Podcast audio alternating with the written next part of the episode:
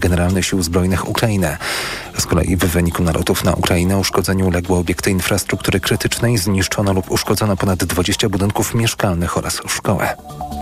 Amerykański sekretarz stanu Antony Blinken przyleciał do Pekinu. To najwyższy rangą przedstawiciel USA, który odwiedza Chiny, odkąd prezydentem jest Joe Biden. Ta wizyta była planowana w lutym, ale została przełożona po incydencie z chińskim balonem szpiegowskim zestrzelonym przez Stany Zjednoczone. Przypominała w TOK FM dr Renata Nowaczewska, amerykanistka i historyczka z Uniwersytetu Szczecińskiego. Nie możemy się spodziewać bardzo spektakularnych zmian w tych, tych, tychże relacjach. Myślę, że, że strona amerykańska jest tą stroną inicjującą.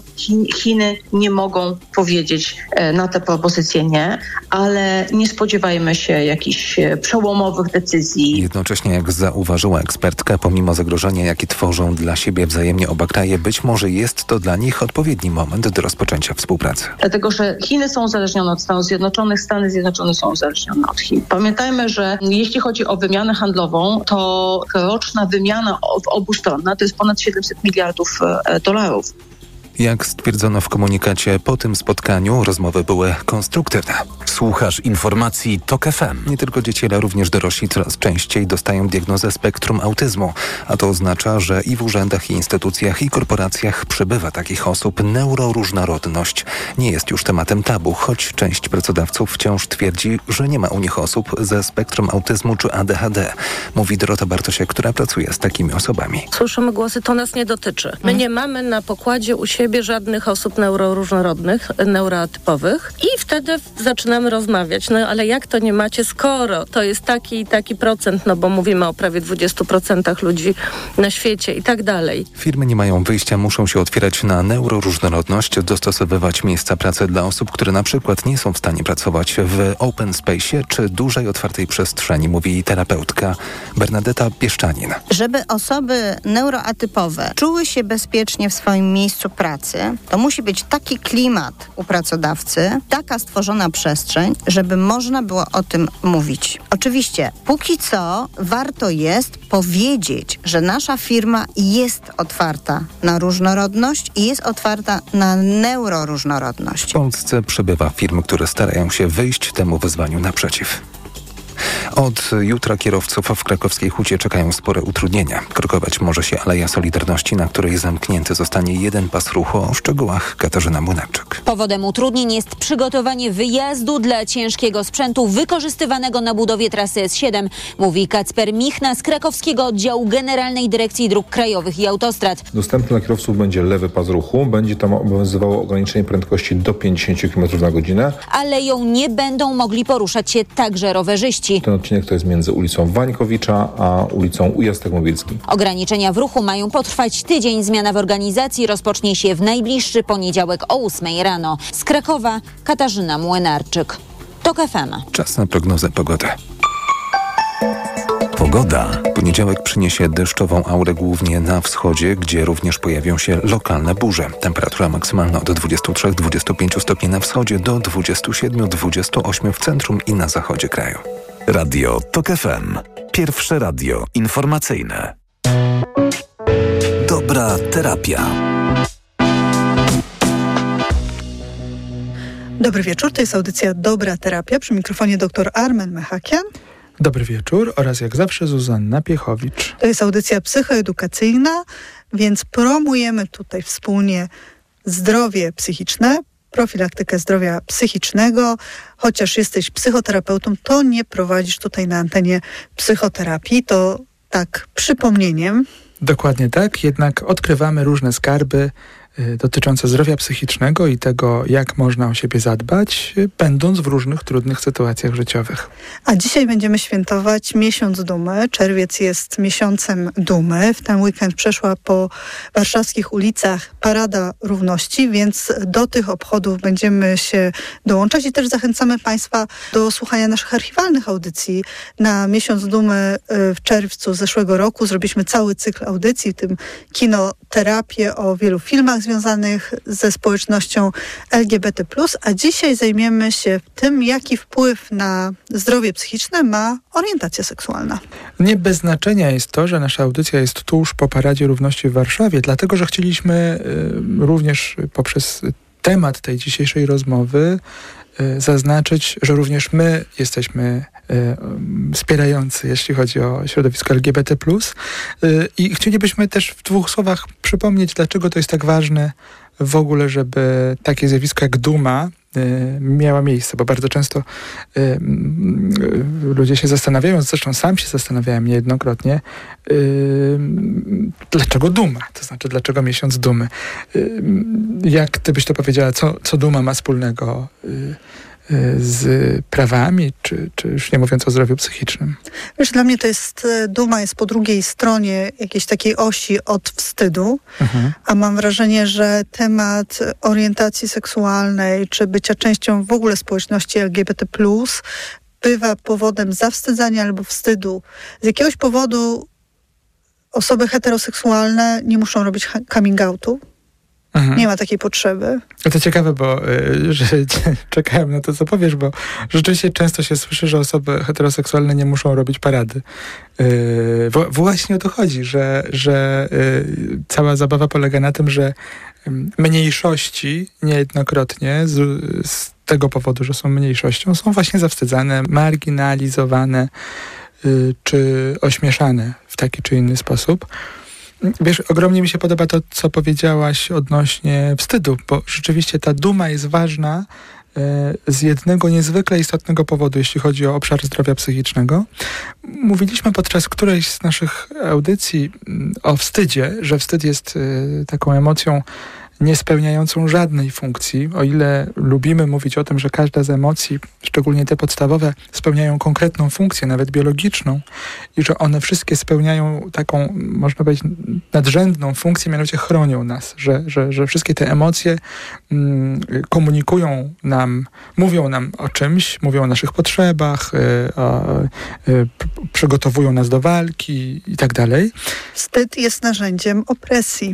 Dokładnie tak. Zawstydzanie tak. jest narzędziem opresji. I to jest tak zwana wtórna emocja, no bo, to, bo, bo, zobacz, że, że tak naprawdę wstyd to jest emocja, która, która się w nas pojawia, nawet jeśli nie mamy już aktualnie tego zawstydzającego. Czyli może się okazać, że sami jesteśmy y, tym, który zawstydza, y, ale ważne jest zrozumienie tego, że to się musiało kiedyś zacząć. To znaczy, jeśli słuchając nas, Państwo dochodzicie do wniosku, że, że też często zmagacie się ze wstydem i to bez względu na to z jakiego powodu, oznacza to, że kiedyś ten wstyd musiał być zainstalowany w nas. Y, I teraz jedyny sposób, y, który może zadziałać. Jedyne antidotum na wstyd to jest właśnie przeciwieństwo tego wstydu, czyli y, okoliczność, kiedy ktoś z nas jest dumny. Zobacz, mówimy o tym y, y, w kontekście dzieci, będzie bardzo łatwo to zobaczyć. Jeżeli mamy dziecko, które doświadczało odrzucenia poprzez zawstydzanie, wy, wyśmiewanie, no generalnie było odrzucane przez to, że nie jest takie, jakie powinno być, to, to, to wywołuje konkretne konsekwencje, jeśli chodzi o ślady w, w, na kondycji psychicznej, ale w drugą stronę, jak pomyślimy, czyli jak pomyślimy sobie o rodzicu, który jest dumny ze swojego dziecka, dlatego że to jest jego dziecko, e, e, to, to ta duma powoduje nieprawdopodobny wzrost. Więc podsumowując ten wątek, miesiąc dumy dlatego, że jednym w zasadzie jedynym skutecznym sposobem, żeby się wyrwać z szpon wstydu, który czasami przez całe życie nas prześladuje, to jest znalezienie racjonalnych powodów na to, żeby być dumnym e, z tego, jakim się jest, z tego, e, z tego, kim się jest. Stąd ważne byłoby, żebyście Państwo na początku mieli takie wprowadzenie, dlaczego w ogóle miesiąc dumy. Poza tym trudno jest innym ludziom nas zawstydzać z powodu czegoś, co dla nas jest powodem do dumy też w takim mechanizmie w relacjach społecznych, czyli w momencie, kiedy my jesteśmy dumni z tego, kim jesteśmy, albo na przykład, że przynależymy do społeczności osób LGBT, to kto nas może tym zawstydzić? Nie zabieramy tę moc tej drugiej stronie. I ja też chciałam bardzo wyraźnie powiedzieć, że bycie osobą nieheteroseksualną nie jest powodem do wstydu powodem do wstydu jest bycie homofobem, transfobem, osobą, która zaszczuwa innych, która nienawidzi innych, który upokarza innych. Więc jeżeli ktoś w przestrzeni publicznej ma powód do wstydu, to myślę, że nasi rządzący, którzy wykorzystują społeczność osób LGBT, dla swoich celów politycznych, jakoś pokrętnie rozumianych, oraz wszyscy ci, którzy sprawiają, że dorastające dzieciaki nieheteroseksualne mają jakikolwiek problem z tym, kim są. Mówię tu o rodzicach, którzy ich nie akceptują, nauczycielach, którzy nie potrafią e, zaakceptować i pomóc w tej drodze. To są powody do wstydu. To e, trochę z kategorii wątków pobocznych naszej audycji, bo trochę mniej na temat zdrowia psychicznego, ale e, to też chciałam podkreślić, żeby było jasne, że to jest bycie osobą nieheteroseksualną jest czymś naturalnym i nie ma tutaj żadnej powodu, żeby się wstydzić. Jeżeli ktoś z Państwa, kto nas słucha, albo może słuchają nas jacyś dorastający, dorastające osoby nieheteroseksualne i chcecie się podzielić swoją historią, albo potrzebujecie wsparcia, dobra terapia małpatok.fm, jesteśmy tam dla Was, dobra terapia małpatok.fm, profil na Instagramie dobra terapia official. Ja mogę bardzo dużo powodów podać. Proszę Państwa. Y, że, że nie ma powodu do wstydu. Musisz ja mi teraz przerwać. Tak? Ja chciałem powiedzieć, że to jest głos osoby, która jako e, e, normatywna z całych sił wspiera osoby nienormatywne, to bardzo budujące rzeczywiście, jak się słucha czasami tego, jak z jaką mocą Zuza reprezentuje mm, właśnie to, Osoby że jest sojuszniczką, tak, dokładnie, tak. Jest, jest, jest bardzo budujące. Ja też muszę ci przyznać, że ja uwielbiam Parady Równości. Ja, mi jest trudno na demonstracjach. To nie jest mój sposób aktywności, że chodzę na demonstrację, uważam, że to jest ważne, ale raczej z takim przymuszeniem się, że to ważne, a Parada Równości jest dla mnie takim, takim świętem. Więc... No to ja muszę przyznać, że y, y, nie było to dla mnie oczywiste, żeby uczestniczyć w Paradach Równości, ze względu właśnie na taki wstyd doświadczany, y, związany z szerokiem różnych wyobrażeń na temat tego, e, co to znaczy, jak będę postrzegany, jak inni są postrzegani, wiesz, i te wszystkie rzeczy, które, o których pewnie się regularnie słyszy, że mm, y, no, no, właśnie, że, że, że parady są pewną przeszkodą w, w akceptacji y, środowiska LGBT+, a nie, a nie pomocą. Oczywiście się z tym nie zgadzam i chcę powiedzieć też, że do tego potrzebna jest pewna dojrzałość. Ja y, potrzebowałem czasu, żeby dojrzeć do tego, żeby zobaczyć rzeczywiście, że za niektórymi decyzjami mm, również się kryje jakiegoś rodzaju obawa, wstyd. To są emocje, które po prostu one są, więc umiejętność e, dostrzeżenia w, w, u siebie te, takich emocji też jest jakąś taką ciekawą drogą do tego, żeby poznać y, siebie lepiej, żeby zobaczyć y, nieco więcej.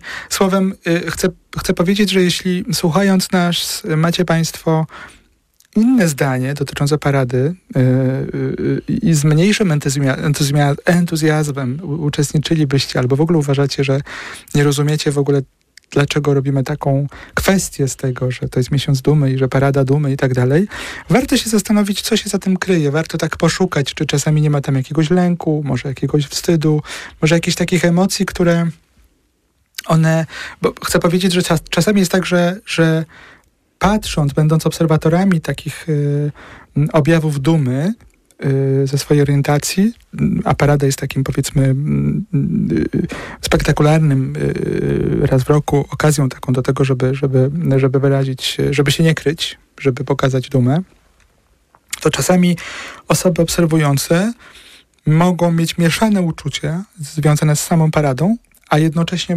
absolutnie mogą być bardzo wspierający, mogą mieć takie poczucie, mogą mieć takie wyobrażenie o sobie, że ja bardzo jestem e, za e, osobami LGBT+, e, wspieram moje dziecko, moją córkę, syna, nie wiem, wnuka e, e, i to jest całkiem okej, okay, ale no parada to niekoniecznie. I to jest świetna okazja, żeby się zastanowić, a dlaczego tak mam? A co to takiego jest, że jak zobaczę paradę dotyczącą czego innego, nie wywołuje u mnie żadnych emocji? Mogę uczestniczyć lub nie, a jak widzę paradę równości, to wywołuje u mnie szereg emocji. Więc jeżeli coś w nas wywołuje emocje, to znaczy, że no, jest jakaś przyczyna i umiejętność poszukania u siebie. Chodzi o to, że to jest audycja psychoedukacyjna, więc ja mam taką potrzebę y, jakoś też pochylenia się nad tymi osobami, które nie mają oczywistych emocji związanych z, z tym, że, że to jest ok, normalne i, i pobawmy się na, na, paradzie, tylko mogą mieć inne emocje. I teraz mm, warto po prostu, żebyśmy się sami zastanowili się nad tym, dlaczego mam inne emocje z tym związane. I mogą być to ciekawe odkrycia. To już zostawmy. bo tutaj w naszym podejściu trochę się różnimy co do stopnia empatii e, do innych e, postaw. E, jest tutaj między nami różnica, ale chciałabym, żebyśmy przeszli już do takiego clue tematu naszej dzisiejszej audycji. Powiedz mi, czy jest związek między orientacją seksualną a zdrowiem psychicznym? Myślę, że to jest trudne pytanie i po raz pierwszy chyba powiem, że tak i nie. To, znaczy... to zależy. Pierwszy raz padło w tej audycji. Chciałem uniknąć tej wersji najbardziej oklepanej, ale y, rzeczywiście y, kondycja zdrowia psychicznego w ogóle jest bardzo osobliwą sprawą i to zależy od konkretnych jednostek. Y, to zależy od naszych doświadczeń, genów, szeregu różnych rzeczy mm, jakby związki mogą być przeróżne. Natomiast rzeczywiście środowisko mniejszościowe, to znaczy jeśli jesteśmy w mniejszości seksualnej, religijnej, narodowościowej, jakiejkolwiek, no to to predysponuje, czy powoduje to, to, to bycie w tym, w tym środowisku, że zmagamy się z czymś takim, o czym mówi się stres mniejszościowy. E, a za tym stresem mniejszościowym idzie szereg sytuacji, których inni nie przeżywają. E, czyli ten nieszczęsny wstyd, e, o którym bardzo często mówiliśmy, o którym przed chwilą mówiliśmy, bardzo często jest takim powodem, no takim jakby centralnym punktem doświadczanych emocji. Kiedy jest się w mniejszości, no to nieustannie widzi się różnice między sobą a innymi, odczuwa się presję, żeby być właśnie takim, jak, jak trzeba, ma się wątpliwości dotyczące tego, czy ja jestem okej okay w ogóle, że jestem taki inny. Y, bo chodzi o to, że nim dojdzie y, do, do takiej jakiejś dyskryminacji, do odrzucenia przez ludzi z zewnątrz, to jeszcze taki człowiek y, o nienormatywnej orientacji musi się przedostać przez własne różne ograniczenia, przez swoje własne przekonanie na swój temat. Yy, I to jest bardzo trudne, bo może czasami doprowadzić do dramatycznych konsekwencji, mm, objawiających się tym, że ktoś przez lata yy, opresyjnie mm, prowadzi siebie mm, w jakiejś niewoli, żeby, żeby nie dopuścić mm, w żaden sposób na, na wierzch, żeby tego nie było widać, że jest nienormatywna. Słowem, podsumowując to, to w takim sensie ma to wpływ na nasze zdrowie psychiczne, orientacja ma wpływ na, na zdrowie psychiczne. Po pierwsze, bo mniej, mniej, y, stres mniejszościowy, po drugie, bo wieloletnie strategie związane z tym, żeby ukrywać tożsamość, doprowadza do nieodwracalnych, trudnych y, kryzysów związanych ze zdrowiem psychicznym. Jeśli to się dzieje u młodego człowieka, no, siłą rzeczy y, dochodzi też do y, na przykład niewłaściwie kształtującej się osobowości. Słowem, w takim znaczeniu jak najbardziej ma. Czy stres mniejszościowy pojawia się również, jeżeli ta osoba jest częścią społeczeństwa, które jest otwarte i nie dyskryminujące, nie przemocowe? Bo rozumiem, że ono się na pewno zwiększa, na przykład tak jak przez ostatnie 8 lat w Polsce, gdzie no, sytuacja osób społeczności LGBT y, no, pogorszyła się wyraźnie, tak? To znaczy te różne ataki ze strony władz, tworzenie stref wolnych od LGBT, cokolwiek to znaczy, i inne zabiegi, rozumiem, że je zwiększają, ale czy osoby, które żyją w społeczeństwach takich, których y, na przykład jest, są równe prawa, czego w Polsce nie ma, tak, czyli prawo do adopcji dzieci, zawierania małżeństw przez osoby nieheteroseksualne, gdzie osoby trans nie muszą pozywać własnych rodziców, żeby uzgodnić y, właściwą płeć w dokumentach. No, mhm. czy, czy, czy wtedy też może się ten stres pojawiać? Yy, tak, choć rzecz jasna y, od razu yy, słychać, kiedy mówisz, że zdecydowanie mniejszy ten stres byłby, prawda? No jeżeli bylibyśmy w okolicznościach, w których zachowania opresyjne no nie byłoby tych zachowań, zachowań opresyjnych, prawda? Nie byłoby takich sytuacji poniżających, wyśmiewających mm, w znaczeniu systemowym. Czyli na przykład chodzilibyśmy do szkoły, która by wyglądała trochę tak jak z filmu Blisko, e, o którym rozmawialiśmy też jakiś czas temu. Albo z filmu Fanfic, to jest ostatni Właśnie. film o e, trans chłopaku, które ma sprzyjające środowisko szkolne. Tak, albo gdyby się okazało, że urodziliśmy się i wychowujemy się w, w takim państwie jak Hiszpania, gdzie... Dania. Tak, tak, gdzie, gdzie, gdzie um, prawa osób um, nienormatywnych są takie same jak e, prawa osób normatywnych, czyli mówimy o tym, że gdybyśmy e, rozważali taką sytuację osoby nienormatywnej, z tożsamością inną niż większość osób, seksualną na przykład, y, to, to, to jeżeli to nie jest żaden dodatkowy problem społeczny, ta osoba nie musi robić szeregu różnych specjalnych rzeczy, żeby przeżyć i żeby... żeby... Nie boi się reakcji szkoły, nie boi się rodziców. Tego, rodziców. tak, tak. To... Widzi takie osoby, które są wyautowane w przestrzeni swojej rodzinnej, tak, społecznej. one nie są marginalizowane, więc też mm, jakby ma wzorce pewne. O to takiej osobie jest zdecydowanie łatwiej, choć warto pamiętać, że mimo wszystko yy, dobrze jest zrozumieć, że bycie w mniejszości, nawet jeśli ta mniejszość jest absolutnie akceptowana, jest wsparcie, i tak się wiąże z konkretnymi kosztami emocjonalnymi. Bo y, fakt, że ktoś jest w mniejszości, naprawdę nieważne w jakiej mniejszości, już powoduje bardzo wiele pytań, na przykład u takiego młodego człowieka. Więc chcę powiedzieć, że jeżeli młody człowiek dorastający odkrywa, odkrywa u siebie, no, odkrywa swoją tożsamość seksualną, to nigdy nie jest nic. To nigdy nie jest okay od razu. E, dlatego, że bez względu na to, jak bardzo rodzice są akceptujący, bez względu na to, jak bardzo społeczeństwo jest akceptujące, to fakt, że to jest inne, jestem inny niż, niż większość, jest pewną dawką stresu, z którą y, y, y, tak, taki człowiek musi sobie poradzić. I teraz y, czasami to jest naprawdę bardzo trudne, kiedy sami odkrywamy coś, co nie spełnia, e, e, co nie jest zgodne też z naszymi oczekiwaniami, tak? Bo, bo nie jesteśmy tacy jak większość. I teraz czasami może to dotyczyć koloru skóry, czasami może to dotyczyć wyglądu, czasami religii, a czasami orientacji seksualnej. To teraz y, polecenia książek dla małych dzieci, żeby od razu budować już w takich mniejszych szkrawach poczucie, że jest świat jest różnorodny i że to jest ok. Pierwsza książka Dwie mamy Oscara. To jest e, taka książka opowiadająca o tym, skąd wziął się Oscar, który jest e, synem e, dwóch mam jak to, jak to się wydarzyło i co, co, co tam się zadziało. Jest też ten, jest osoba przedstawiona, która jest dawcą nasienia, żona dawcy nasienia, biologiczne rodzeństwo e, tego Oscara. Bardzo to jest e, ciekawa pozycja. A druga, Janek, nie Janka, o, o tym, jak e, tytułowa Janek odkrywa, że jednak nie jest Janką.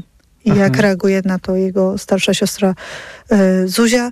To jest takie, to są takie książki, myślę, dla dzieci do czwartego, może piątego roku życia, ale myślę, że już takie trzyletnie dzieci też mogą znaleźć w tym radość. I to jest ważne, żeby budować bardzo od bardzo wczesnych lat poczucie, że e, to jest część rzeczywistości osoby nieheteronormatywne, że to jest całkowicie okej, okay, żeby no, to dziecko wzrastało w takiej różnorodności i, i poczuciu, że jeżeli zacznie odkrywać w sobie jakąś inność, to że chociaż w tym domu, nawet jeżeli nie w tym społeczeństwie, to w tym domu to jest bezpieczne. Szalenie ważne jest to, co powiedziałaś, bo y, taki uważny słuchacz zobaczy, że my mówimy cały czas właśnie o tym, jak zadbać o, o, o nasze dzieci, bo mówimy o tym, że bycie innym w ogóle jest dużym kosztem emocjonalnym i że to wywołuje konkretne, konkretne zostawia ślady na naszej emocjonalności. I teraz jeśli jeszcze dodatkowo jesteśmy w opresyjnym środowisku, no to wiadomo, co się dalej dzieje. Natomiast wyobraźmy sobie, że w książkach dla dzieci niektóre części naszej rzeczywistości są y, wycinane. Na przykład nie ma osób o różnych kolorach skóry, y, pochodzeniu, narodowości i tak dalej. Osób z niepełnosprawnościami. Właśnie. Y, różnych rozmiarów, prawda, różnego wzrostu. Tak, bardzo, bardzo to ciekawe y, rzeczywiście, co powiedziałaś, też o, różny, o różnych innych różnościach, prawda? Bo, Jakby bo... wszyscy byli Barbie i Kenem, prawda? To taka rzeczywistość. Więc, więc y, myślenie w takiej kategorii o tym, że umiejętność zderzenia naszych dzieci z rzeczywistością tak szybko, jak to jest możliwe, jest niezbędne do tego, żebyśmy ich uposażyli do dalszego życia, żebyśmy oszczędzili im takiego szoku, w którym, w tej sytuacji, w której odkrywają swoją inność i są kompletnie sami. Bo wiecie Państwo, nawet jeśli pomyślicie Państwo, że moje dziecko mogłoby do mnie przyjść, ja nie mam żadnego problemu z orientacją, mamy przecież przyjaciół, koleżanki i tak dalej, to bardzo to jest możliwe i ogromnie mnie cieszy, że rodzice mogą mieć takie myślenie o sobie, że dla mnie to jest całkiem okej, okay, nieważne z kim moje dziecko będzie, ale nawet wtedy nasze dzieci wychowane w środowisku, w jakim my żyjemy, nieoswojone z tym e, oraz w społeczeństwie, które nie jest oswojone z tym, że ludzie są różni, i tak będzie przeżywało naprawdę bardzo dużo e, trudnych emocji, dlatego że to i, i, będzie nasze dziecko same, y, samo będzie musiało przechodzić y, y, prze, przez, te, przez te trudności emocjonalne. Więc zastanówmy się rzeczywiście, czy bylibyśmy w stanie w jakiś sposób już w, wcześniej oswoić dzieci z różnością w ogóle, że świat jest różny. To tak, jeśli chodzi o kontekst dzieci i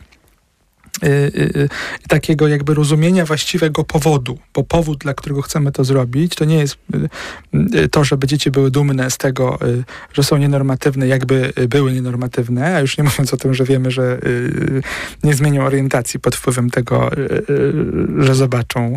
Tak, tak, tak. To jest orientacja seksualna jest czymś, co jest, decyduje się... Tym bardzo... samym, co kolor skóry, więc tak, oglądając tak, tak, to jakby... dzieci ciemnoskóre nie zmienimy koloru skóry.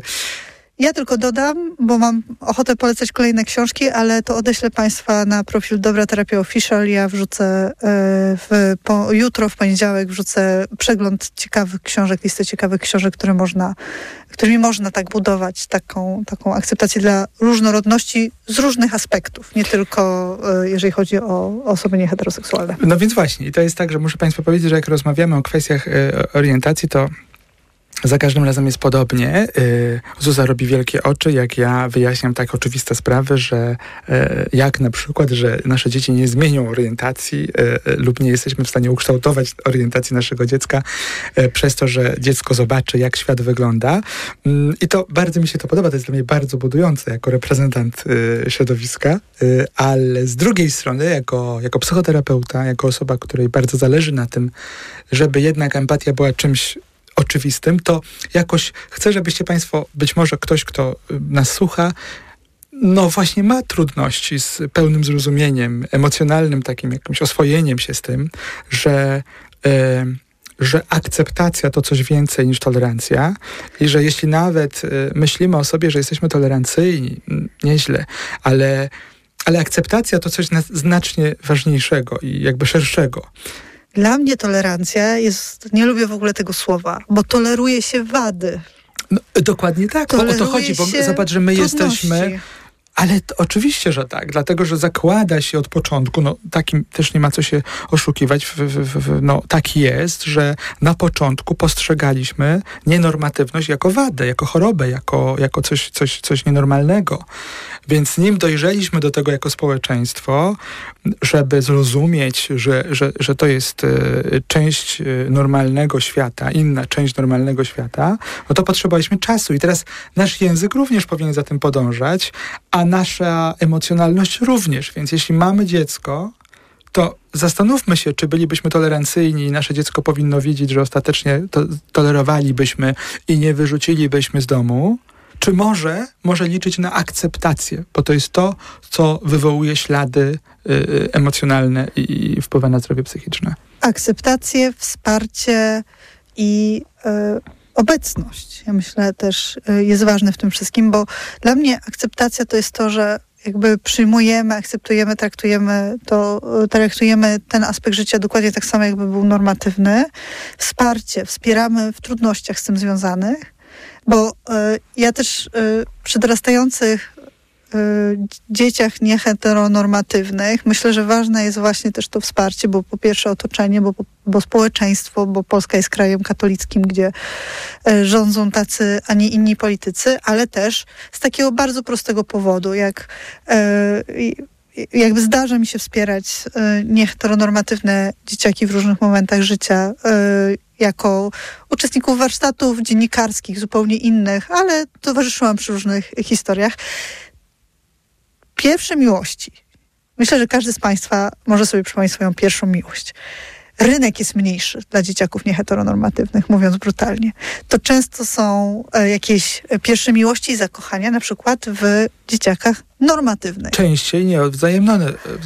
Tak, to jest coś, co w ogóle gubi nam się w całej tej opowieści, ponieważ społeczeństwo jest takie opresyjne, ale te trudności, ten czas dojrzewania jest i tak już bardzo trudny. E, te pierwsze miłości są trudne, nawet jeżeli są normatywne. Więc wyobraźmy sobie, jak do tego dokładamy jeszcze to, że z bębna maszyny losującej możemy wyciągnąć, no mniej, mniej razy możemy trafić, szczególnie, że jesteśmy w małej miejscowości albo w małej społeczności. No, i jeszcze do tego dołóżmy tajemnicę, którą trzeba jakoś tam zachować i tak dalej. Słowem... Y, Mam tak, nadzieję, że w coraz mniejszej liczbie miejsc jednak trzeba, bo e, wiesz... Mamy nadzieję, ale jednak rzeczywistość jest taka, że wiesz, ja tak sobie teraz pomyślałem, y, y, że najchętniej e, odniósłbym się do przykładów y, dotyczących y, pochodzenia rasy, bo tak mi przyszło do głowy, że przecież nie wyobrażamy sobie takiej sytuacji, żeby, żeby mając dziecko y, niebiałe, przekonywać dziecko do tego, żeby przez dłuższy czas to ukrywało, żeby nie przebywało z takimi dziećmi, które mają taki kolor skóry jak ono. Czyli robilibyśmy jakieś różne zabiegi, żeby chronić nasze dziecko, a jednocześnie byśmy to dziecko odrzucali i nie akceptowali.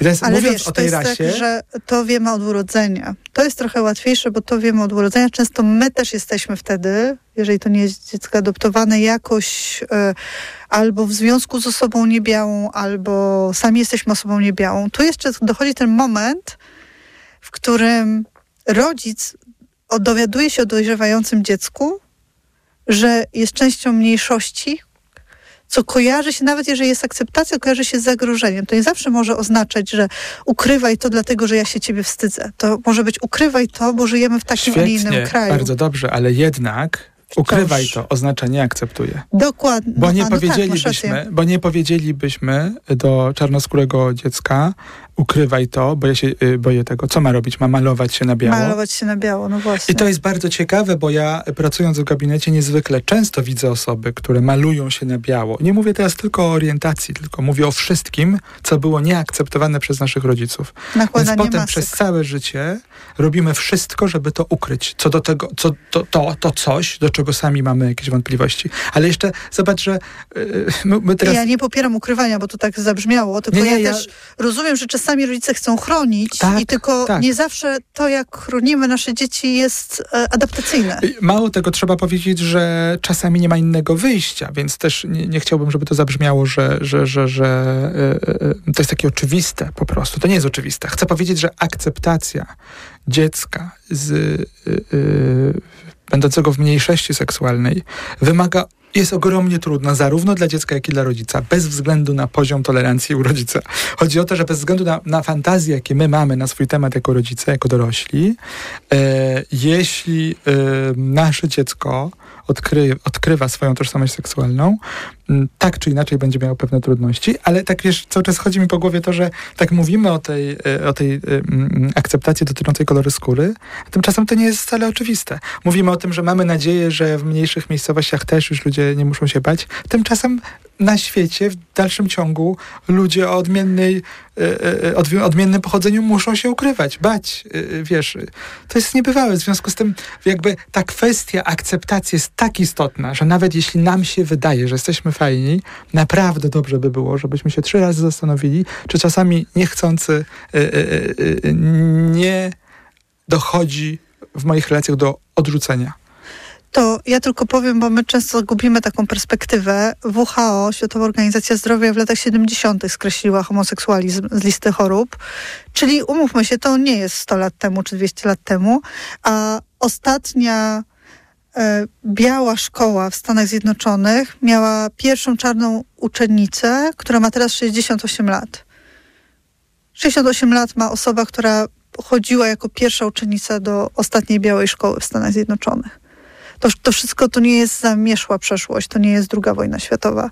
Tak, tak i to jest też, wiesz, to, to, to też jest ciekawe, że do tej pory wśród osób dobrze wykształconych, y, y, mających otwarty umysł na świat, nie wiem, mających dostęp do wiedzy i tak dalej, no jednak u każdego z nas, jak się przyjrzeć, znajdą się pewne obszary uprzedzeń, i, y, i, I, to w kontekście zdrowia psychicznego też bardzo istotne jest to, żebyśmy wiedzieli, jakie my mamy uprzedzenia. Bo nie, nie czarujmy się, nie ma takiego świata ani takich ludzi, którzy nie mają żadnych uprzedzeń. I problem nie polega na tym, że my możemy być do czegoś uprzedzeni. Problem raczej polega na tym, że my możemy nie mieć pojęcia o tym oraz nie mieć zupełnie pojęcia, dlaczego jesteśmy uprzedzeni. I nie pracować nad tym. Tak, bo, bo uprzedzenie to jest ograniczenie. Yy, ograniczenie yy, niejednokrotnie yy, przemienia się w opresję. Y, to szkodzi, krzywdzi i, i, nas samych, i ludzi, którzy z nami y, żyją, więc, więc jakby taka umiejętność, y, być może po tej naszej rozmowie, być może po tym, jak ktoś z Państwa zobaczył Paradę Równości w Warszawie, albo uczestniczył, albo pomyślał sobie, dlaczego one się odbywają, warto, żebyśmy się zastanowili, jak ma się sprawa z moimi uprzedzeniami i jaką one mają, jakie one mają podłoże, co, co w tych uprzedzeniach jest. Bo może się okazać, że największymi y, y, y, osobami, które najbardziej cierpią ze względu na nasze uprzedzenia, jesteśmy my sami. Bo ludzie, których nie tolerujemy, na pewno jest to szkodliwe dla nich, na pewno robimy dużą krzywdę, ale, ale nie musimy być istotną częścią ich życia prędzej czy później. Natomiast my sami ze swoimi uprzedzeniami zostajemy przez całe lata i na nasze zdrowie psychiczne to ma ogromny wpływ. Na tych, którzy są y, jakby y, uprzedzeni. Ma, mający uprzedzenia. Mhm. Jak wspierać dziecko, bo tak nam w tej rozmowie zaczyna wyłaniać się głównie ten etap życia, w tym odkrywaniu swojej seksualności, kiedy już mówi o tym, może mamy pewne podejrzenia, y, jak być dobrą osobą dorosłą w otoczeniu? To bardzo trudne jest, muszę powiedzieć. E, e, rzeczywiście najlepiej, pewnie najbardziej autentycznie wypowiedziałoby się w tej sprawie osoby, które mają dzieci mm, i widzą pewne niuanse, więc ja spróbuję to powiedzieć z pozycji specjalisty, trochę tak teoretycznie. E, wydaje się, że rzeczywiście najważniejsze jest to, o czym mówiliśmy, mianowicie, żeby dziecko mogło jak najszybciej być, do, doświadczać normalności. To znaczy, żeby dziecko dość szybko się zorientowało, że to, co odkrywa, na przykład to, jak odkrywa mm, y, takie oczywiste kwestie związane z rozwojem fizycznym, to, że oczywiste jest dla dziecka, że mówi takim, a nie innym językiem, rozumie dlaczego mm, i, i wiele innych rzeczy związanych z rozwojem dziecka, Mm, nie jest obciążeniem, jeśli jest normalizowane.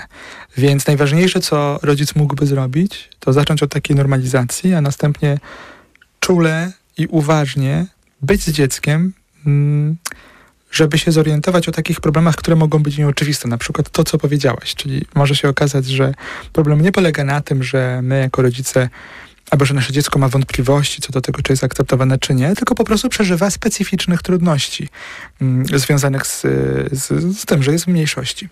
Ale jest jeszcze jedna bardzo z mojej perspektywy ważna sprawa.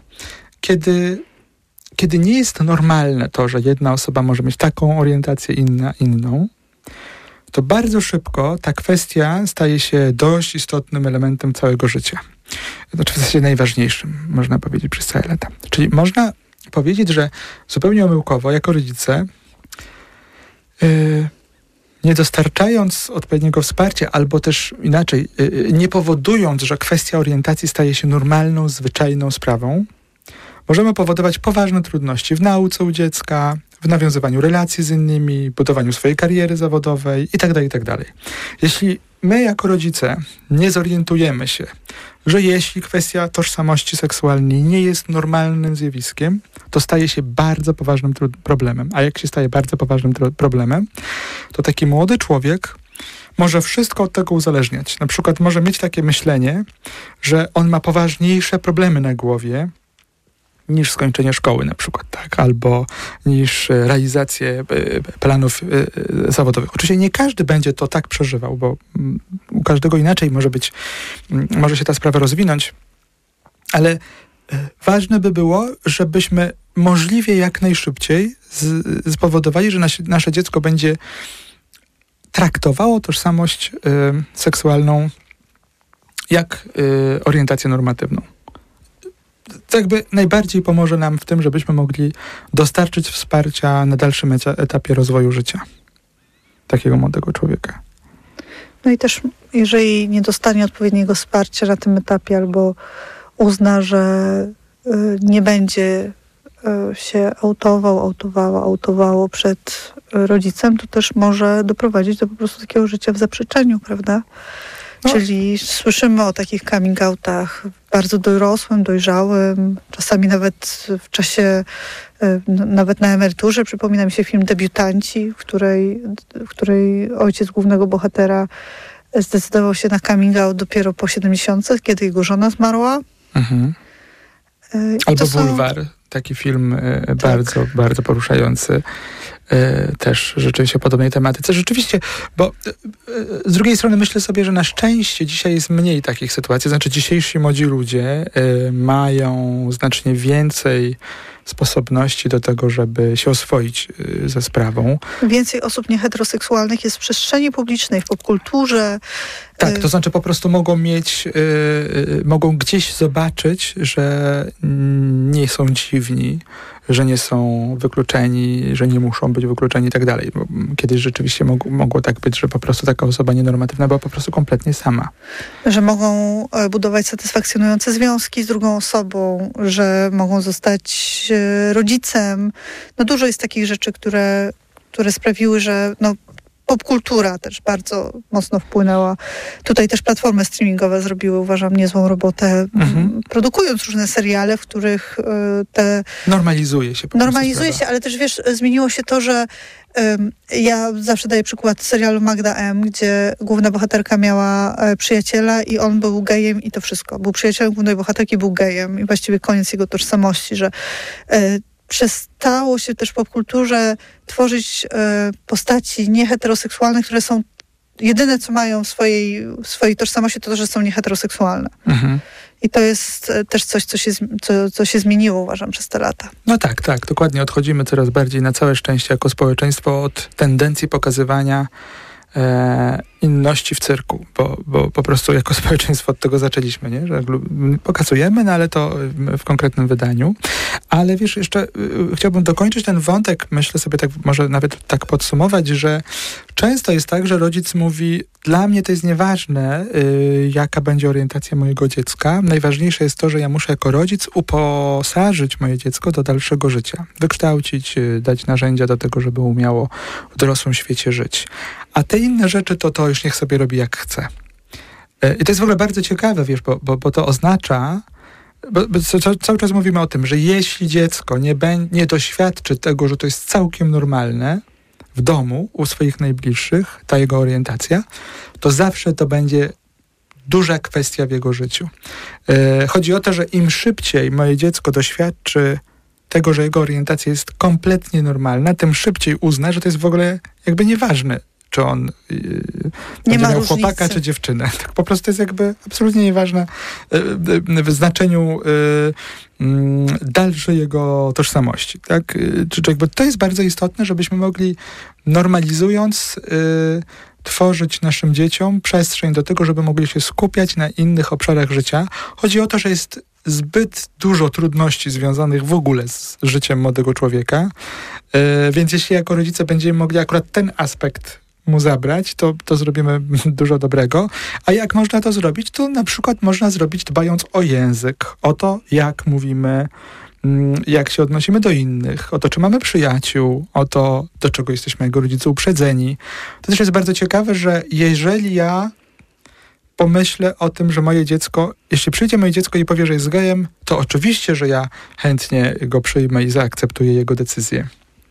Ale ponieważ to mnie nie dotyczy, to nie ma problemu, żeby się wyśmiewać e, z osób nienormatywnych albo stawiać w jakimś takim świetle nieudaczników życiowych, czy, czy, czy, czy w jakiś inny sposób mm, marginalizować, to to już będzie dużym sygnałem dla mojego dziecka, no że raczej nie mogę liczyć na uznanie i akceptację. Stąd... I, I, mogę się bardzo późno dowiedzieć, że moje dziecko tak. jest nienormatywne. Stąd tak naprawdę w ogóle nie jest nawet ważne to, co ja powiem lub co zrobię w momencie, kiedy się dowiem, że moje dziecko jest nienormatywne. Tylko to, jakie ja mam poglądy w tej sprawie. To jest naprawdę bardzo istotne. To, jakie ja mam poglądy w tej sprawie. Więc jeżeli by się okazało, że myślę sobie, że to mnie nie dotyczy, więc mam, mam uprzedzenia do nienormatywności jako takiej, to może się okazać, że zupełnie omyłkowo odrzucę moje dziecko, bo ono nawet nigdy nie przyjdzie i mi nie powie o, o, o pewnych sprawach, które, z którymi po prostu zostaje samo. I to jest tragedia dla dwóch stron, prawda? Tak, tak, to jest tragedia, tragedia dla dwóch stron. Dobrze powiedziałaś, to jest, to, jest, to jest bardzo smutne, to jest bardzo przykre y, z punktu widzenia też rodziców. Szczególnie, że można powiedzieć, że no te rany zupełnie niechcący już się zadało, ale można przecież zawsze zmienić swoje, yy, swój sposób funkcjonowania. Można, można za coś przeprosić, można przyznać, że w jakimś obszarze źle zrobiliśmy, nie przewidzieliśmy, nie wiedzieliśmy, byliśmy zagubieni. To jest całkiem okej, okay, kiedy popełniamy błędy jako rodzice. I naprawdę na każdym Nie da się etapie... tego uniknąć, to ja bym tak. chciała podkreślić. Nie ma takich rodziców, ale przepraszanie dzieci to jest w ogóle zbyt mało popularna e, praktyka. Ja uważam, że przepraszanie dzieci i to w różnym wieku e, to jest coś, e, co warto praktykować, bo e, to też pokazuje podmiotowość dziecka. Budujemy podmiotowość dziecka w tej relacji naszej. Tak, w ogóle to wiesz, akurat my w naszej kulturze mamy ogromny problem z przepraszaniem, bo zazwyczaj przepraszamy w takich okolicznościach, w których to przepraszam nie oznacza przepraszam.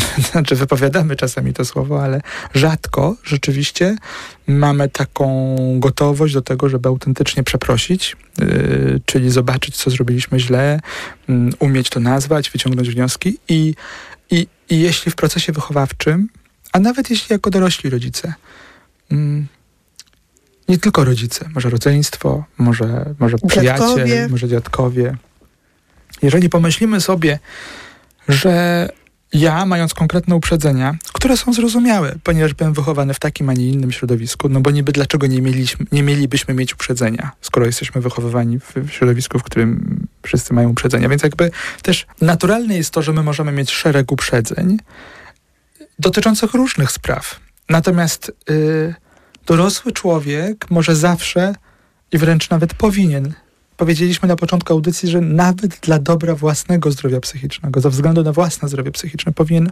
umieć sprawdzać, jakie ma uprzedzenia, ponieważ te uprzedzenia nie są neutralne. Naprawdę żadne uprzedzenie nie jest takie po prostu neutralne. Akurat teraz mówimy o orientacji i teraz zobacz, jak pokazaliśmy, że, że niewinne, cudzysłów, uprzedzenia dotyczące orientacji seksualnej może doprowadzić do tego, że moje dziecko nawet nie odważy mi się powiedzieć o swojej um, nienormatywności, co spowoduje, że będzie miał głębokie poczucie samotnienia, odrzucenia, braku akceptacji. Um, no i potem ja będę miał konkretne emocje z tym związane, prawda, bo, bo, bo to jest moje dziecko. Słowem, y, bardzo mi zależy na tym, żebyście Państwo pomyśleli po tej dzisiejszej audycji o tym, jakie Wy macie y, uprzedzenia i pomyśleli o tym, że samo to, że my mamy pewne uprzedzenia, nie jest problemem. To znaczy, to, to jest naprawdę normalne. Jesteśmy, każdy z nas jest w jakimś środowisku, więc te uprzedzenia są. Natomiast bardzo istotne jest to, żebyśmy mogli być odpowiedzialni za to, żebyśmy mogli powiedzieć, mam takie uprzedzenia i wiem skąd one się biorą, zdaję sobie sprawę, jakie są konsekwencje, bo, bo wtedy po prostu zdecydowanie świadomiej żyjemy i ma, jest mniejsza szansa, że zrobimy naszym dzieciom jakąś niechcącą krzywdę. A przecież rodzicielstwo polega też na tym, żeby unikać sytuacji, w której robi się krzywdę swojemu dziecku i wspierać je, kiedy mu jest trudno. Wszystkiego najlepszego z okazji Miesiąca Dumy dla wszystkich naszych słuchaczy i słuchaczek i osób słuchających. E, zachęcamy do słuchania naszych audycji z zeszłego roku. Z, przez cały Miesiąc Dumy omawialiśmy filmy i seriale związane ze społecznością LGBT+. Między innymi rozmawialiśmy o filmie, jednym z moich ulubionych, Supernowa. Ten odcinek szczególnie e, Państwu polecam. Dobra terapia to nasz adres mailowy. Dobra Terapia Official to nasz profil na Instagramie. Tam jesteśmy dla Państwa przez cały tydzień. Zatem zostawiamy Państwa z tymi przemyśleń, prze, przemyśleniami na najbliższy tydzień, a usłyszymy się już przyszłą w niedzielę. Naszą audycję wydawała Karolina Kłaczyńska. Do usłyszenia w niedzielę po 22. Zuzanna Piechowicz i dr Armen Mechakian. Czas na informacje Radio Tok FM. Dobra terapia.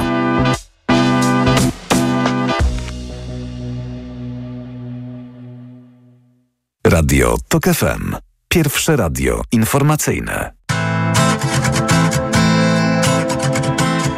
Co robić dalej? Wciąż niepewny to stan. Przeminie kilka lat, naprawię parę spraw. To trochę zajmie. Nie biec wreszcie na czas, pozbierać parę spraw, odnaleźć kilka prawd. Nasze niedoczekanie, zastanawiać się wciąż. Ile wewnętrznych wojen stoczyć mamy w tę noc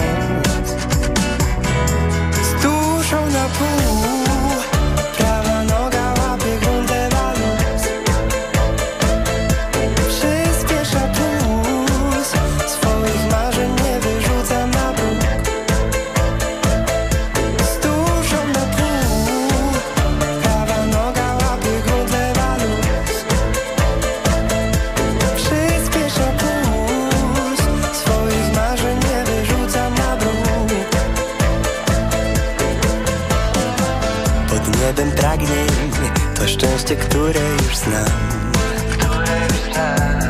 Otwieram oczy. Powiem, że sprzyja mi czas. Nasze niedoczekanie Zastanawiać się wciąż. Ile wewnętrznych wojen stoczyć mamy w tę noc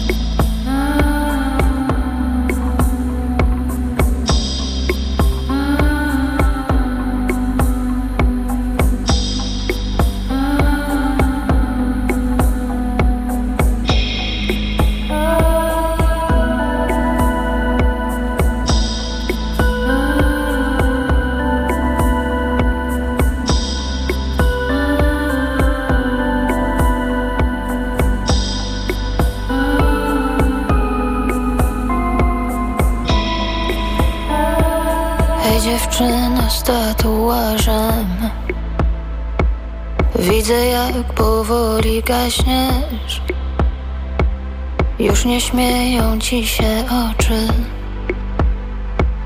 Tak lubiłem na nie patrzeć. Wolisz sama jadać obiad I odpalać papierosa. Dzisiaj twoje urodziny. Nie wiem, czy chcę na nich zostać. so